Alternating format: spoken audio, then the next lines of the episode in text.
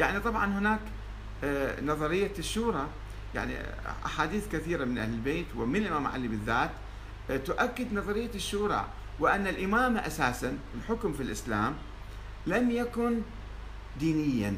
يعني الإسلام اقرأوا اقرأوا القرآن من أوله إلى آخره آه، تجدوه يتحدث عن العقيدة التوحيد المعاد النبوة يتحدث عن فروع الدين الصلاة الصوم الحج الزكاة. الأمر المعروف والنهي عن المنكر وما إلى ذلك والأخلاق والقيم وبعض القوانين. لا يوجد في أي حديث عن الدستور والنظام السياسي والحكم يعني أنه ترك الأمر شورى للمسلمين.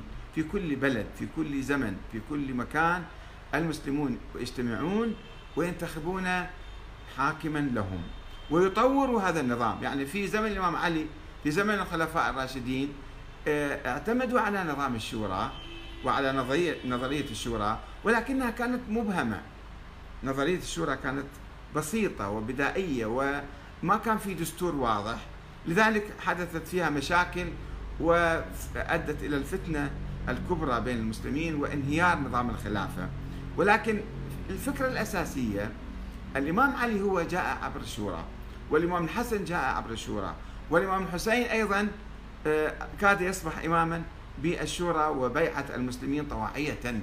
ولم يقل لهم أني منصوص عليه من الله. والإمام أمير المؤمنين عليه السلام بايع الخلفاء الثلاثة أبا بكر وعمر وعثمان رضي الله عنهم أجمعين بايعهم. وإذا كانت الخلافة دينية وفيها نصر من الله لم يكن يجوز له أن يبايع أحدا أو يتنازل حتى لو قتل في سبيل الله في سبيل مثلا آه، أصل من أصول الدين. كيف يتنازل عن الإمام علي؟ هذا يعني أن الخلافة لم تكن بالنص. وثم الإمام الحسن تنازل عن الخلافة لمعاوية. لو كانت الخلافة من الله لم يكن يجوز للإمام الحسن أن يتنازل عن الخلافة ويعطيها آه، لمعاوية. الأئمة الآخرون بايعوا أئمة زمانهم وحكامهم بالجبر أو بالإكراه أو بالرضا ذاك بحث آه، نقرأ حديث الإمام علي في رسالته إلى معاوية وهذا موجود في نهج البلاغة أي واحد يقدر يقرأه ويراجعه. قال له إنه بايعني القوم الذين بايعوا أبا بكر وعمر وعثمان على ما بايعوهم عليه فلم يكن للشاهد أن يختار ولا للغائب أن يرد. وإنما الشورى للمهاجرين والأنصار. طبعا في ذيك الأيام كان في مهاجرين الآن لا يوجد مهاجر وأنصار.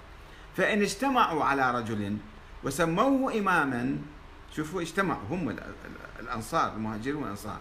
فإن اجتمعوا على رجل وسموه إماما كان ذلك لله رضا.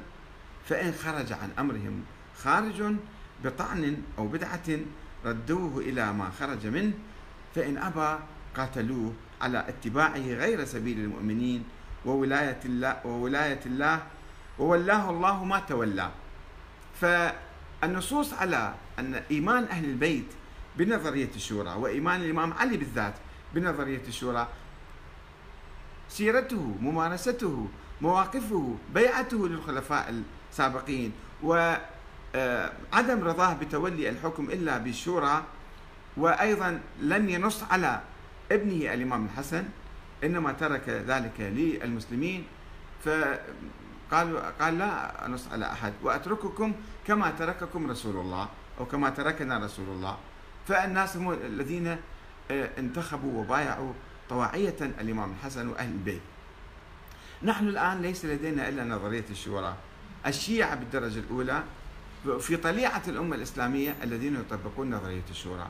في إيران الجمهورية الإسلامية والدستور والانتخاب انتخاب القائد انتخاب رئيس جمهورية انتخاب النواب في العراق أيضا آه، آه، نظام دستوري جمهوري في لبنان في باكستان في أفغانستان في تركيا الشيعة كلهم يشاركون في هذه الأنظمة الديمقراطية لأن لا يوجد لدينا إلا نظام واحد آه، هو النظام الديمقراطي أو النظام العسكري والنظام المستبد والنظام الملكي الوراثي الموجود في بعض البلاد. خلافا لنظرية الشورى ولما ولما يدعون بأنهم ينتمون إلى خط الشورى. نحن بحاجة بعد أن تجاوزنا الصراعات التاريخية والصراعات السياسية واتفقنا على أنظمة ديمقراطية علينا أن نتخلص من النظرات السلبية التاريخية التي آه، تقول بأن هناك نص على الإمام علي سواء قلنا هناك نص أو لا لم نقل هناك نص. أئمة أهل البيت والإمام علي عليه السلام هو في طليعة الصحابة وطليعة المسلمين وهم يعني آه، بحاجة نحن أن نسير على خطهم نسير على هداهم آه، يعني نعمل من أجل إحقاق الحق ومحاربة الظلم والباطل في كل مكان. ولا نتقاعس ولا نجبن ولا ننعزل ولا آه، نتشبث بالقشور فقط وببعض الأحاديث ونترك النهج نترك الطريق نترك المواقف آه، العلوية الحسينية مواقف أهل البيت آه، وبالتالي نحن يعني نصبح شيعة فقط بالأسماء. أما إذا أردنا أن نصبح شيعة لأهل البيت وشيعة الإمام علي عليه السلام وشيعة الإمام الحسين فيجب علينا أن نقتدي بسيرتهم ومواقفهم ولا نتوقف عند بعض القضايا آه، الجدلية مثل قضية آه، أنه آه، يوم الغدير هذا حديث الغدير. هو نص على الخلافة أم أم نص أم في قضية مثلا جزئية وموقف خاص للإمام علي. الجدل هذا عقيم. يجب أن نتوجه إلى بناء أمتنا تمتين الوحدة الإسلامية تعزيز هذه الوحدة وإزالة أي شيء يثير الريبة والفتنة بين المسلمين. والسلام عليكم ورحمة الله وبركاته.